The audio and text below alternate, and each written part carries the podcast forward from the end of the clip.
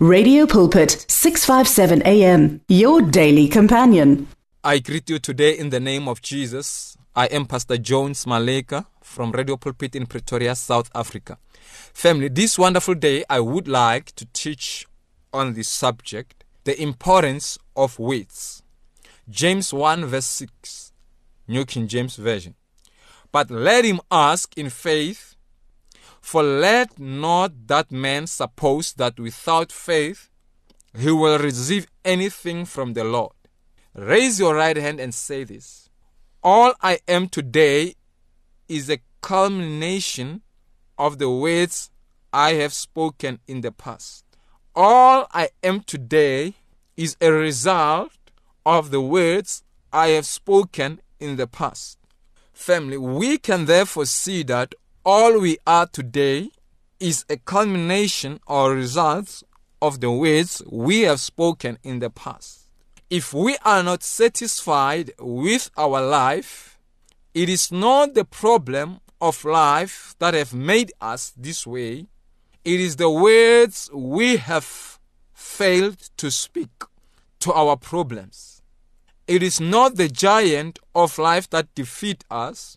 David proved that the entire army of Israel shivered in their boots and their knees had fellowship when Goliath came out.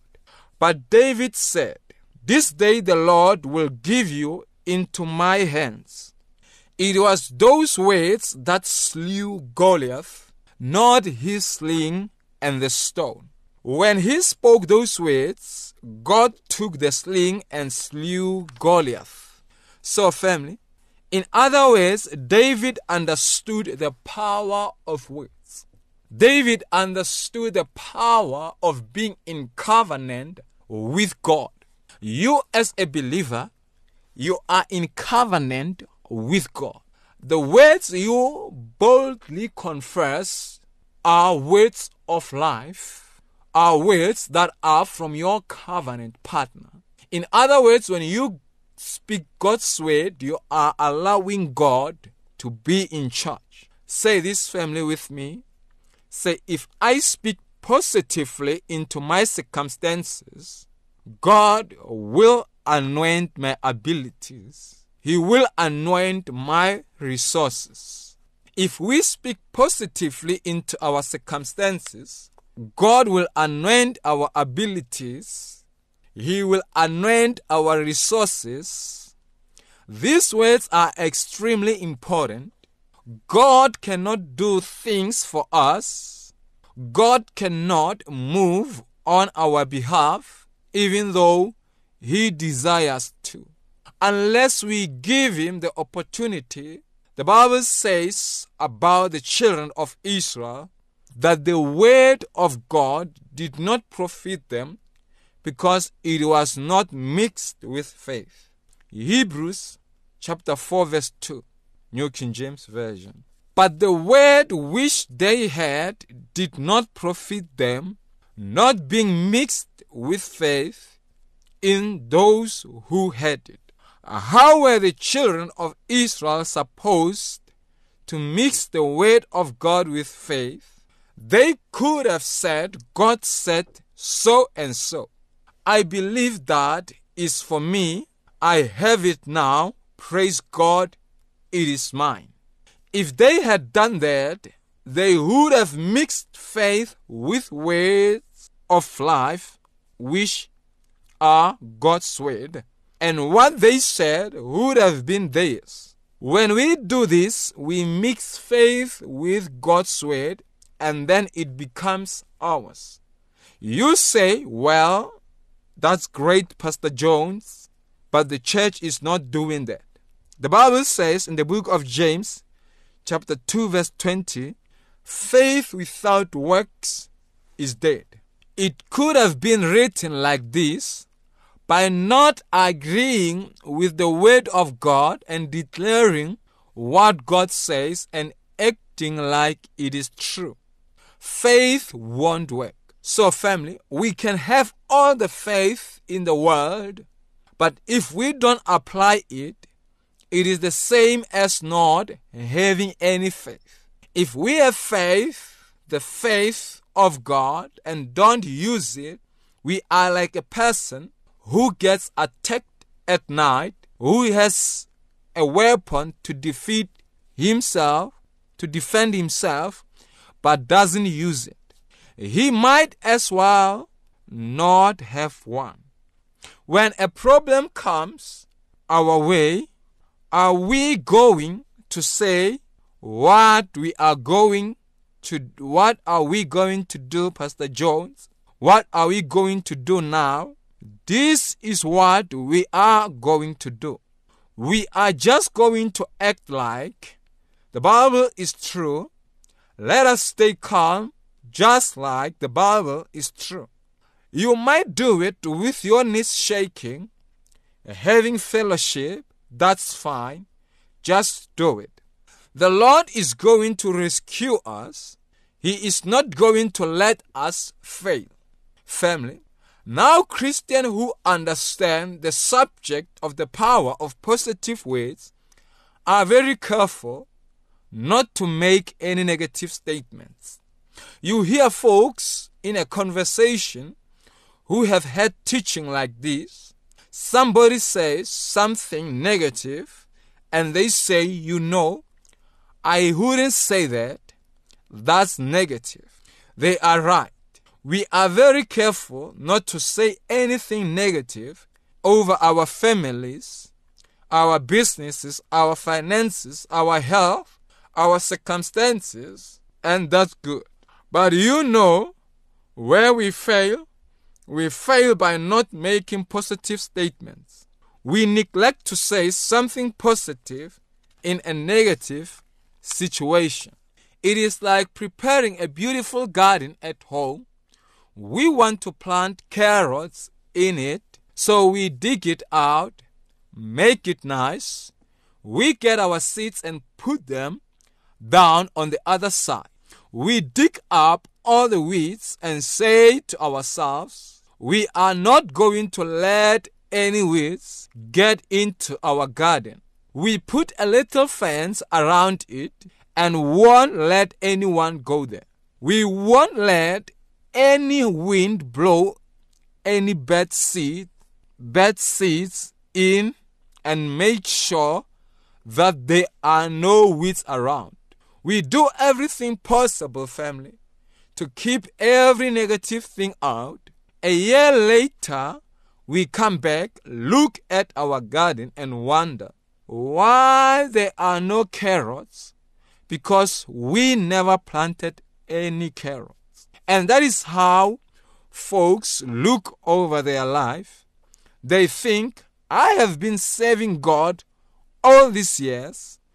I don't have any serious problems, but I don't have the blessings I see so many other have. Some Christians are like the rich obedient son who said, Father, all these years I have served you, and you never gave me even a skinny goat, but you gave this backslidden son who came home the fattened lamb.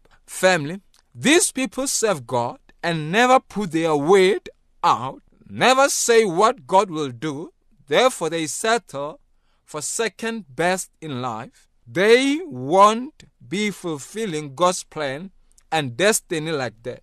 If we start confessing, I am fulfilling God's plan for my life, guess what? We will start walking in the will of God. God will bring us into His plan, and all the resources we need to fulfill it will come our way. We will find ourselves blessed beyond measure. All things are possible to him that believeth. And God is not limited, family. Let us not miss the opportunity of speaking positively in every situation. So, family, there are people who have actually died with sicknesses and they have had a heart full of faith to be healed, but they didn't use it. They didn't use it. My father in the faith Apostle Theo Wolmarans has been at their best I mean, at their bedside and said, I know you believe, but let us use our faith. This is how we do it. People who die with a heart full of faith die for one of two reasons. Either they don't know how to use the faith they have, or secondly, they know how to use it but don't. Remember, family, faith comes by hearing and hearing. It is not by struggling and struggling or stressing and stressing. So it is by faith. It is by faith. By reading the Bible, your faith will rise. You will know it because the first thing that faith brings into your heart is peace and joy. The Bible says in the book of Hebrews, chapter 4, verse 3, New King James Version, For we who have believed do enter that rest. The first thing that faith brings is rest and peace into your heart.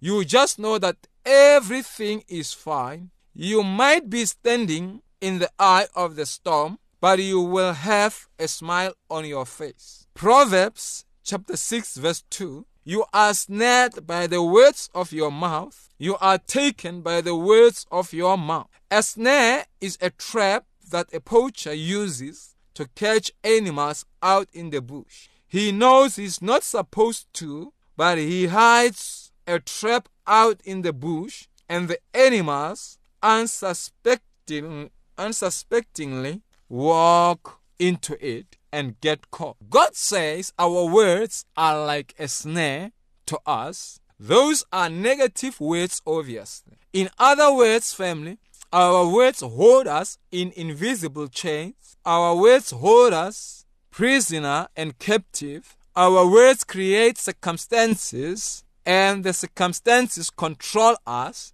completely because of our words. God is powerless to move in those circumstances.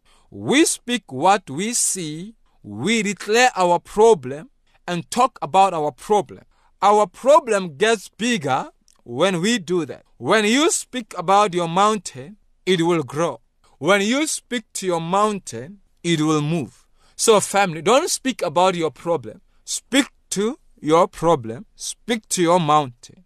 What is that mountain that has been standing in front of you, in front of your family, in front of your success? Face that Goliath. Face that mountain. Mountain.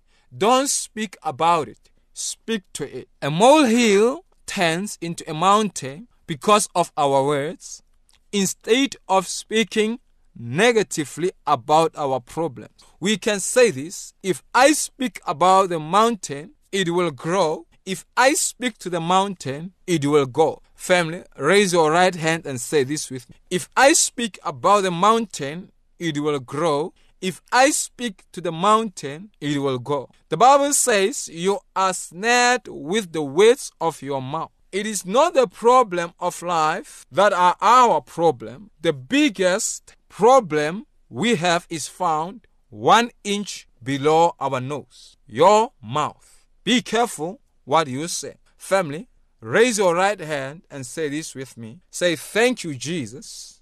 You died for me on the cross and rose from the dead on the third day.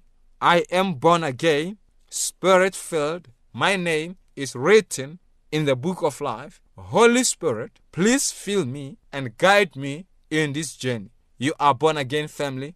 Congratulations. Amen. The words of the Lord are words of life. Your heart is on 657 AM. 657 AM. Radio for believers in action.